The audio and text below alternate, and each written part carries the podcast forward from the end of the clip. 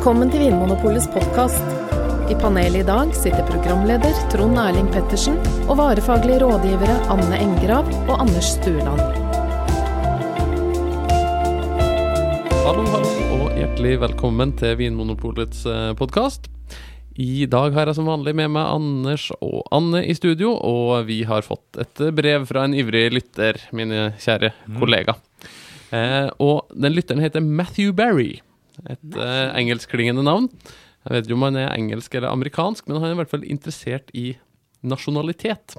Uh, Matthew skriver følgende. Hvilken rolle spiller nasjonalitet i vin og øl? Er det fellestrekk? Er det noe som gjør fransk vin fransk, annet enn at den kommer fra Frank Frankrike? Eller som gjør amerikansk vin amerikansk, eller chilensk vin chilensk? Kanskje det er druetyper, produksjonsmetoder, smaksprofiler eller noe annet? Og hva med øl? Ja, noen land er kjent for visse stiler, men finnes det noe felles trekk for belgisk øl fra Belgia, norsk øl fra Norge eller engelsk øl fra England? Verden er stor, avslutter Matthew. Og det har han jo rett i. Ja. Det er så sant. Og den blir bare større og større. Ja, Ja, Ikke det at jordkloden på en måte es, eser ut, men det er jo flere og flere land som eh, begynner å produsere vin, eller at de eh, etablerte vinland Mm. for flere og flere områder der de produserer vin. Og eh, det er jo, vi har jo sikkert sagt det til det kjedsommelige i den podkasten her, at uh, Nebbiolo kan smake sånn, men kan smake sånn, men kan også smake sånn. At det er, ingen, det er veldig få fasiter i vinens verden. Derfor tenkte jeg at i dag skal vi late som at det finnes noen fasiter i vinens verden. I dag skal vi ta på oss dem, eh, den fordomsfulle hatten. Ja. er dere med på det? Det blir gøy! Jeg elsker fordommer. Ja. Du har en del av dem òg, Anne. Massevis. Og så deilig bare la de blomstre. Så til deg som hører på, i dag skal vi snakke i klisjeer, og det kan hende at noe av det vi sier er litt fordomsfullt og unyansert, men eh, det er for å prøve å svare på spørsmålene til Matthew om eh, hvordan man kan kjenne igjen eh, viner fra ulike deler av verden, og, og se på hva er det som gjør f.eks. en italiensk vin til en italiensk vin, bortsett fra at den kommer fra Italia. Um, Anders, ja. syns du Hvor enkelt syns du det Ja. Hvor enkelt syns du det er, hvis du får en vin i glasset foran deg, og, og finne ut hvor den kommer fra? På en skala fra én til ti, Ja. eh, hvor lett det er, så tenker jeg at det er én. Jeg syns det er kjempevanskelig. Men husk at du skal ha på deg den fordomsfulle hatten. Å ja, sånn ja. um, Så hvis, hvis vi tenker klisjeer, da. ja. Eller la meg si det på en annen måte, da. Hvis jeg gir deg et glass med rødvin, og du lukter på det, Mm. eh, og du kjenner at det lukter mørke bær, moden frukt, kanskje nesten litt sånn sylta, tørka frukt, Mm. og så er det noe som minner om røyk eller sot i, Mm. i vinen. Ja, da ville jeg sagt Sør-Afrika. Ja, ikke sant? For da har vi en sånn felles forståelse av at det er et eller annet med sørafrikanske rødviner som, som har noe sånn mm, mørkt, eh, sot, røykaktig preg over seg. Anne, har du noen andre eksempler på sånne klisjeer? Um, Klisjéviner? en hel haug, holdt jeg på å si. Eh, jo, du har jo den eh, klisjeen om eh, egentlig ja, Si spanskvin, da. Ja. Den er jo ofte eh, sånn type fatlagra viner. Så den er prega av liksom, amerikansk eikfat med kokos, vanilje, tørka frukt. Eh, litt sånn eldre stil, litt sånn rustikk. ja. Så en spansk Rødvin. rødvin, det er en eh, litt sånn lagra, fatprega Mm. rødvin Og så har de gulneting. Ja, på flaska. og litt sånn simulert eh, støv. Ja, og, og portrett av en eller annen sånn eh, hertug fra 1648 Ja, ja. på flaska. Eh, andre land som er på en måte lett å kjenne igjen? Ehm, ja, ehm, ja Sør-Afrika nevnte jo, men det er altså Tyskerne, for eksempel. Tysk, eh, tysk hvitvin, da, først og fremst, det er jo det de er mest kjent for. Det er, den er jo halvtørr. Mm. Nesten søt. Eh, og, og litt sånn kjedelig fruktig. Ja. Kliss, klissevin. Ja, der har du tyskeren. Der har du tyskeren. Der har du tyskeren. Halvsøt og klissete. Ja. Men det jeg lurte litt på, altså han eh, Barry Ja. Matthew Eh, Barry. Matthew Barry, ja. Han glemte jo produsenten. Har det noe å si hvilken, altså hvilken nasjonalitet produsenten er? La oss si det er en, en tysker som drar til Argentina Ja. Blir, for å ta en ja. Blir vinen da tysk eller argentinsk? Ja. ja. Med franske druer. Nei, Jeg vet, jeg vet ikke. Men det vi er inne på her, er jo et litt viktig poeng. Fordi eh, Anne, du var jo inne på eikefat i spansk rødvin. Og Anders, du var inne på tysk hvitvin. Mm. Eh, og da tenker jeg umiddelbart på Riesling. Mm. Og det er på en måte Det er en drue som Det finnes jo rundt omkring i verden, men brukes stort sett i Tyskland. Mest kjent fra Tyskland. Um, så der er det på en måte drua som styrer at det er en tysk hvitvin. Mm. Den får en tysk stil, på en måte, mens i Anne sitt tilfelle med den spanske rødvinen, så er det på en måte produksjonsmetoden. Uh, altså, hva er det som avgjør hvordan en vin smaker, og hvordan man kan kjenne den igjen som en spansk eller tysk eller italiensk? Det er et veldig godt spørsmål. Det er Veldig stort. Mm. Eh, Det, kan, det kan være drue, det kan være drue. og det kan være på en måte, måten du, du lager vin på. Ja, så handler det jo og- egentlig ikke om nasjonalitet som i de liksom administrative grensene. Det er jo like mye klima innenfor eh, landet. Ja, og klima kjenner jo ingen grenser. Ja, se for eksempel eh, Italia da, er jo ganske langt uh, store klimaforskjeller fra nord til sør. Ja. Så det er jo litt Akkurat der er det litt vanskelig å si Ja. at italiensk vin smaker sånn. Ja, men det, da er det rart å tenke på at all italiensk rødvin blir sånn, der, sånn saftaktig. Og Bra, hvitvinene Anders, nå har du på og deg fordomshatten. Og hvitvinen de smaker jo ingenting. Det er jo som å stikke tunga ut av vinduet. Det er utrolig at det får det til når det er så mye forskjellig klima. Ja. Eh, jeg holdt på å bli nyansert. ja, ikke bli for nyansert nå, Anne. Det skal du passe deg for. Eh, ok, italiensk rødvin. Vi, hvilket frukt eller bær eh, smaker dem som? Kirsebær. Ja. Uansett hvor. Ja, ja, ja uansett. Eh, hva er det som Også en gjør liten bitterhet. Ja. Altså, mange vinskribenter skriver alltid at når de vet, når, hvis de vet at det smaker en italiensk mm. Eh, vin, så nevner de gjerne at det, det er en liten sånn bitterhet Ja. i vinen. Hva er det som gjør at italiensk rødvin alltid smaker kirsebær og har en liten bitterhet og er litt sånn saftaktig? Ja, men kanskje de er, liksom, de er litt Italienere er jo liksom litt enkle. og De, på en måte, de er glad og lever litt i nu og sånt. Men kanskje de er litt bitre også? At de tenker at det, ja, det var bedre under romertiden, og sånt, men nå har på en måte ting falt helt til fisk. Mm. Nå flytter ungene aldri ut, og de blir boende hjemme til de er 30. Mm. Jeg kommer ikke på en annen grunn. Jeg. Nei. Nei. Nei, det kan, kan ikke ha noe med druer å gjøre at de, eh, at de, de bruker en del druer i Italia som bare finnes der. Og Jo som, da. Det er jo sikkert det, sånn som altså, Nebbiolo, Sangiovese, to blå druer som kan gi litt sånn morell kirsebæraktig frukt. Mm. Men det finnes jo mange andre druetyper i Italia, hvis vi skal bli da nyansert igjen, Ja. som gir annet preg igjen. Men det er jo, dette her henger jo sammen med hvilke druer som er de mest kjente og mest brukte og kanskje mest eksporterte. Mm. Ja, Det er det som gjør at uh, man kan liksom generalisere. ja. Hvis vi skal generalisere litt rundt franskvinene, Anne. Hvordan smaker en fransk hvitvin, f.eks.? Det er eh, de beste vinene er franske. Ja, ja, ja. Ja. Og de bør koste mest.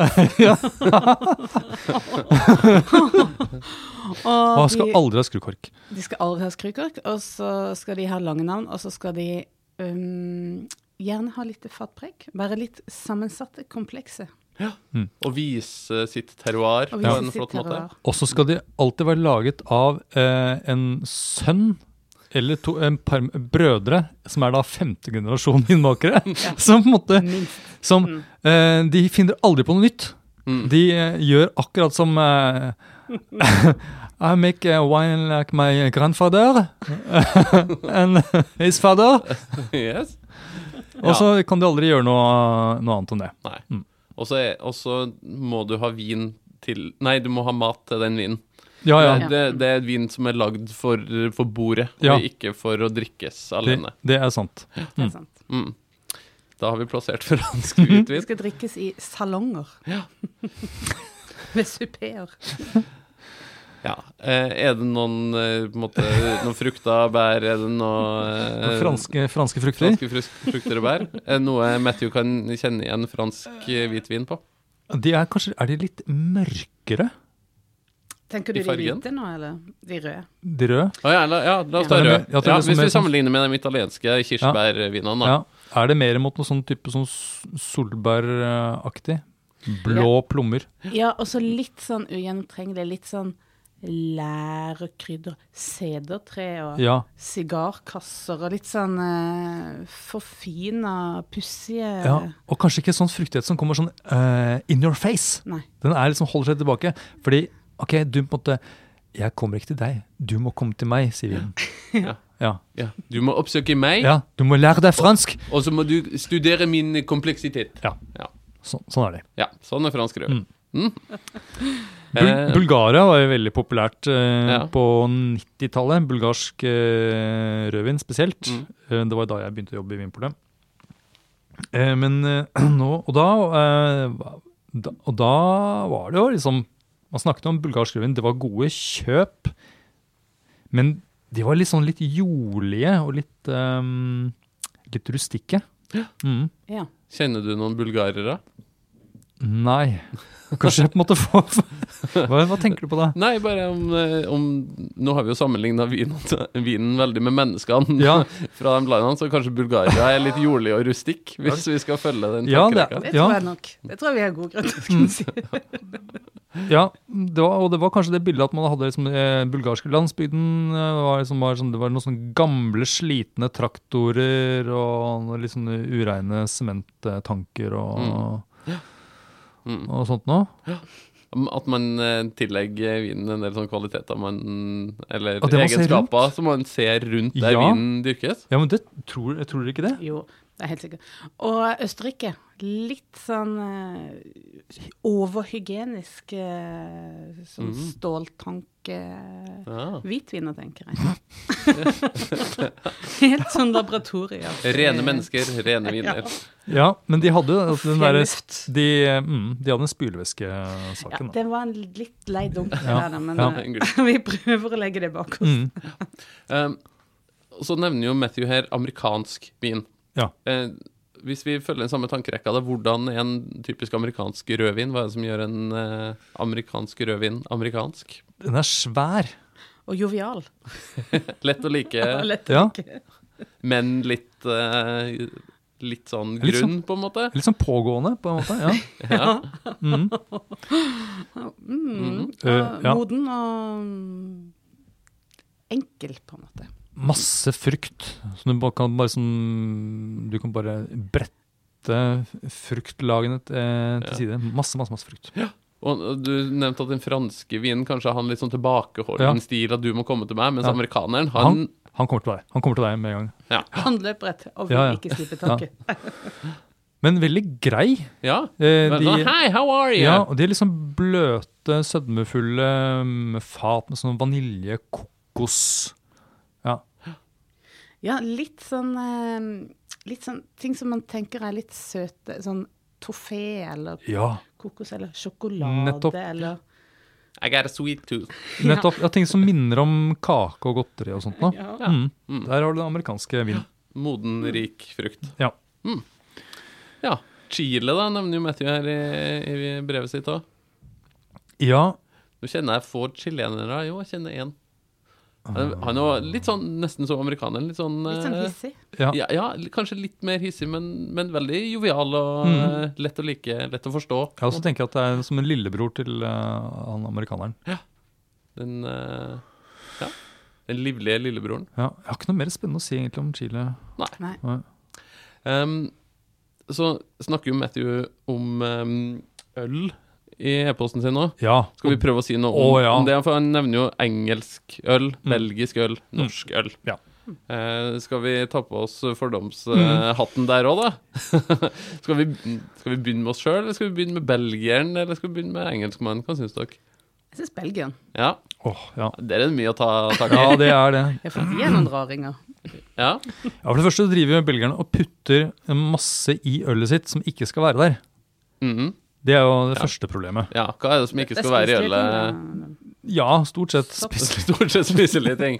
Nevn noen ja, eksempler. de put- putter jo frukt, kirsebær, jordbær, bringebær, aprikos, uh, you name it. Ja. Uh, salat, selleri og, Er? Koriander. og koriander og sikkert Ja. og stjerneanis. Og de er helt ville. Ja, og sånn Ja. sopp. Ja, mm. Og så lager de surt øl. Ja, de lager surt øl, ja. I Sånn på en måte som er egentlig feil. Ja, Øl med feil. eddik- Eddik, ja. Øl. Og med preg av en sånn der villsopp som heter bretanomyces. Mm. Ja. Som gir sånn oste- og stallaktige aromaer. Mm. Mm.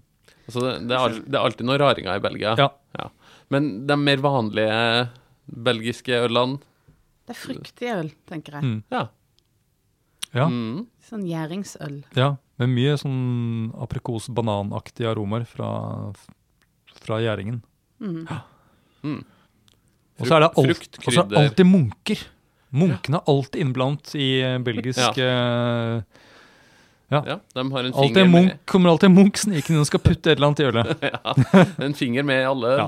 Og så putter de sukker i ølet også, faktisk. De gjør det òg, ja. Ja. Brunt sukker er det gøy. Brun sukker og hvitt sukker. Ja, ja. Så de, de, de surrer nå på med det de Ja, ja er det de vil. Mm. Ja, De er ikke så opptatt av regler og sånn. Nei, det er faktisk sant, og det skal de ha. De, er liksom, de gjør mye variasjon, da. Og nå blir jeg, blir jeg nyansert igjen. Og det er nytt. Eh, hva med engelskødlene? Nei, det, det smaker av korn. Ja. Det smaker engelske kornåkre. Eller noen andre kornåkre. ja. Mm. Ukraina. Ja, det, det tenker jeg er sånn eh, litt eh, eh, halvmørke er sånn ales med tydelig kornpreg og litt eh, lite bobler og Litt sånn daft. Litt daft. Ja, Du får det aldri kaldt. Du kan putte så lenge du vil i kjøleskapet, det blir aldri kaldt. Ja, og, så kommer, og så kommer de ukurante med, med sånn målenheter. Målene, Ja. Ja. Pint og sånn. eh, Og litt sånn gammeldags. Ja. Litt sånn Ja. teppe på gulvet i stua på badet. Teppe Og, Ja. langs badekaret. ja, og hvis du begynner å drikke det, så får du sixpence. ja. Ikke sixpack. sixpack, Six Du får sixpence. Du, du ser ut som en sånn gammel mann med, med oilskin. Mm. Med hjertet beredt i stand. Ja. Mm. Ja.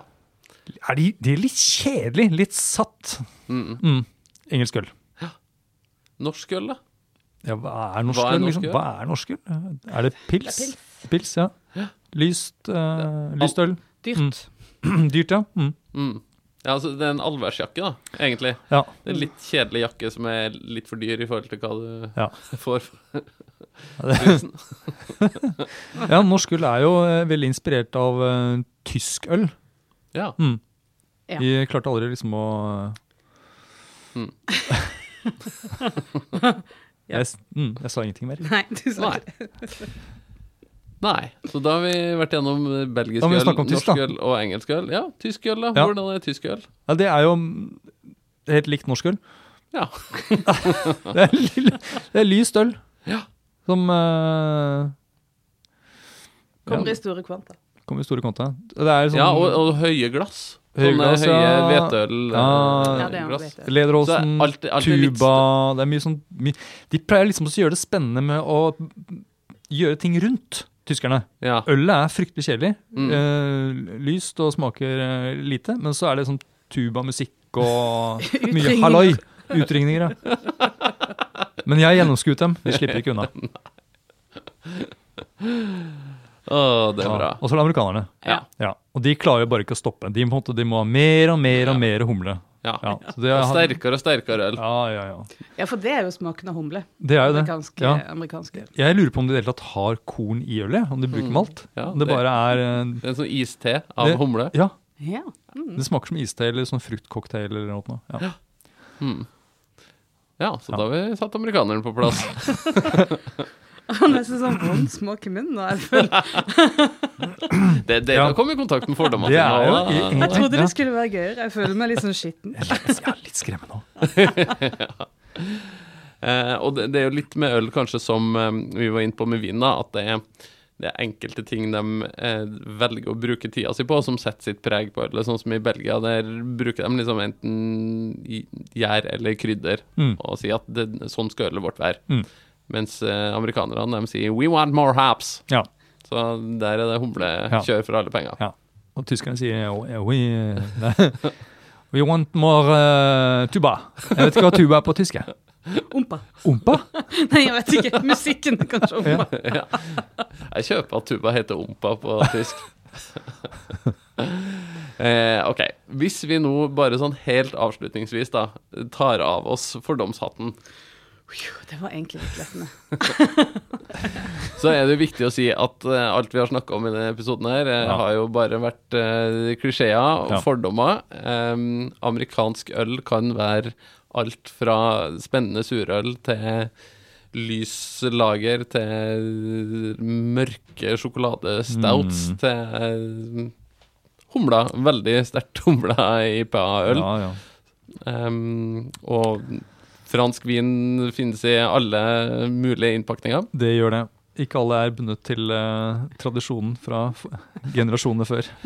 Anders, du var innpå så vidt her i stad at um, de her fordommene som vi har snakka om nå, de stammer ofte fra hvilke områder som har vært de mest eksporterte. Mm. Kan du bare si litt mer om det?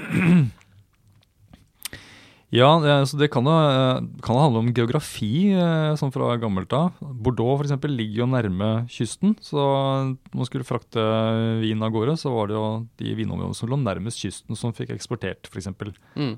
Og da har, jeg liksom, da har jo kanskje Bordeaux etablert seg da, i verden som en sånn, den franske rødvinen, f.eks. Og, og da var det en lang periode kanskje nesten bare Bordeaux-vin som kom til Norge fra Mm. Frankrike, og da Mm. har det på en måte etablert seg en eh, oppfatning både i Norge og i andre land om at det er på en måte det er en klassisk fransk vin. Ja. Fransk vin smaker sånn. Ja, og Det var kanskje den dyreste vinen, og det var kanskje den ene de få rødvinene å få tak i også. Så ble det fort at man drakk eh, til juletorsken, som Mm. var festmiddag. Mm. Så skulle du drikke dyrvin, og da tok du den dyrevinen, og den kom jo fra Bordeaux. Mm.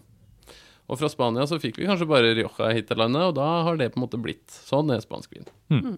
Og vi fikk eh, kanskje et par belgiske klosterøl, og da, da, da, Da er ble det sånn. da ble det Munkeølene som er de belgiske ølene for oss. Men det som er fint nå i dag, da, er jo at nå kan vi jo gå inn på omtrent hvilket som helst pol og finne vin fra de minste landsbyer i Mm. Frankrike, Italia, Spania Overalt. Og så finnes det rebeller innenfor de ulike vinområdene også, så selv om det kanskje er en, en tradisjon for å lage en vin på druetyper eller metoder, så er det da kanskje noen som finner på sprell og gjør noe, noe annet. Og som det er nå, så blir det bare vanskeligere og vanskeligere å f.eks. blindsmake vin og få noe i glasset og ikke vite hva det er, og så ja, finne ut hvor det kommer fra. Det er nesten umulig. Og jeg tenker også det handler litt om kunnskapsdeling, og at man kan mer og vet mer. og At det utdannes på tvers av generasjoner og, Mm. og landegrenser. Og Mm. i det hele tatt så har vinmakere ganske peiling. Ja, Vinmakerne flyr hit til det. Flying winemakers. Og så gifter de seg med hverandre. Ja, det- og ja, Mm. så har de praksis her og der over Ja. hele verden. Altså, altså, Mye rart. Ja, de lærer av hverandre. Og noen som har lagd øl, begynner å lage vin. Noen som har lagd vin, lager øl. Mm. Gifter seg med hverandre. sånn går det nok. Sånn Em, og det er jo, særlig i vinens verden, så er det jo en del sånn lover og regler som er på en måte lagd for å eh, beskytte tankegangen da, om at en Bordeaux-vin skal smake sånn og sånn, og en Rioja Gran Reserva skal smake sånn og sånn. At man, du har bare lov til å bruke visse druer, du må modne vinen på en viss type fat i viss, et visst antall måneder. Em, men vi ser jo en utvikling at det er flere og flere vinmakere som måtte prøve å bryte med Mm. med lovene. At de kanskje tør å lage en vin som kanskje blir plassert på laveste nivå i vinlovhierarkiet, men som de likevel kan få solgt og få tatt eh, godt betalt for, fordi den er annerledes og Mm. spennende og Mm. interessant. Men jeg syns ikke det er riktig å si at alle som følger tradisjonen og følger disse vinlovene, nødvendigvis at det er det man skal heller. For at eh, vinloven, kanskje spesielt den franske vinloven, har, eh, har sørga for at hver e lille region har bevart sitt, eh, sin særegenhet. da. Mm. At du kan eh, ikke ender opp med at det bare er den som man tjener mest penger på, som blir den gjeldende smaken, men at du bevarer på dine egne tradisjoner, dine egne liksom, unikhet. Mm. Heter det unikhet? Mm. Ja, og det har jo en verdi at Mm. eh, man kan på en måte finne fram til en, en, en vin som smaker sånn som du vil at uh, vinen du trenger i dag skal smake. La oss si at du har lagd en sjokoladedessert, og så tenker du åh, nå hadde det vært godt med en søt vin som smaker kirsebær til denne sjokoladedesserten. Det må ut til Italia. Ja, ikke sant? Da vet du Ja. at Ja. da må du dra til Italia, Mm. og så må du kanskje da til Veneto for å finne en Resiotto som, som du vet er en av eh, noen få viner i verden som er, som er søt og smaker kirsebær. Mm. Så da kan man faktisk bruke de her fordommene til noe praktisk og nyttig òg. Ja. Og så er det ikke bare fordommer, det er lover og regler som gjør at vinen blir, Mm. Blir sånn også. Ja. Sånn som ja, Chablis, for eksempel. Mm. Det er jo ikke en uh, rød musserende vin. Nei. Nei. Og det er for så vidt bra. At, at den ikke er en rød museum. hvem vet? Ja, kanskje i framtida. Hvis Anders hadde fått bestemme. Ja, det får bli en annen episode i Vinmonopolets podkast, tror jeg, hvis Anders fikk bestemme.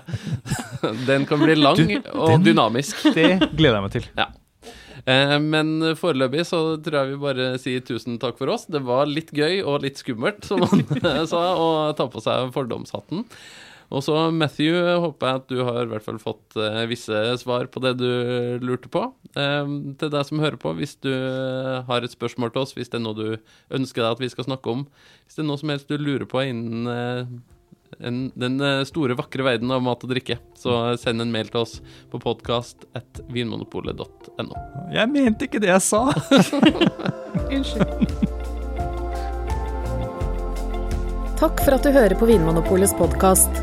Har du forslag til et tema i podkasten? Send mail til podkast at vinmonopolet.no. I tillegg svarer kundesenteret deg på e-post, chat og telefon.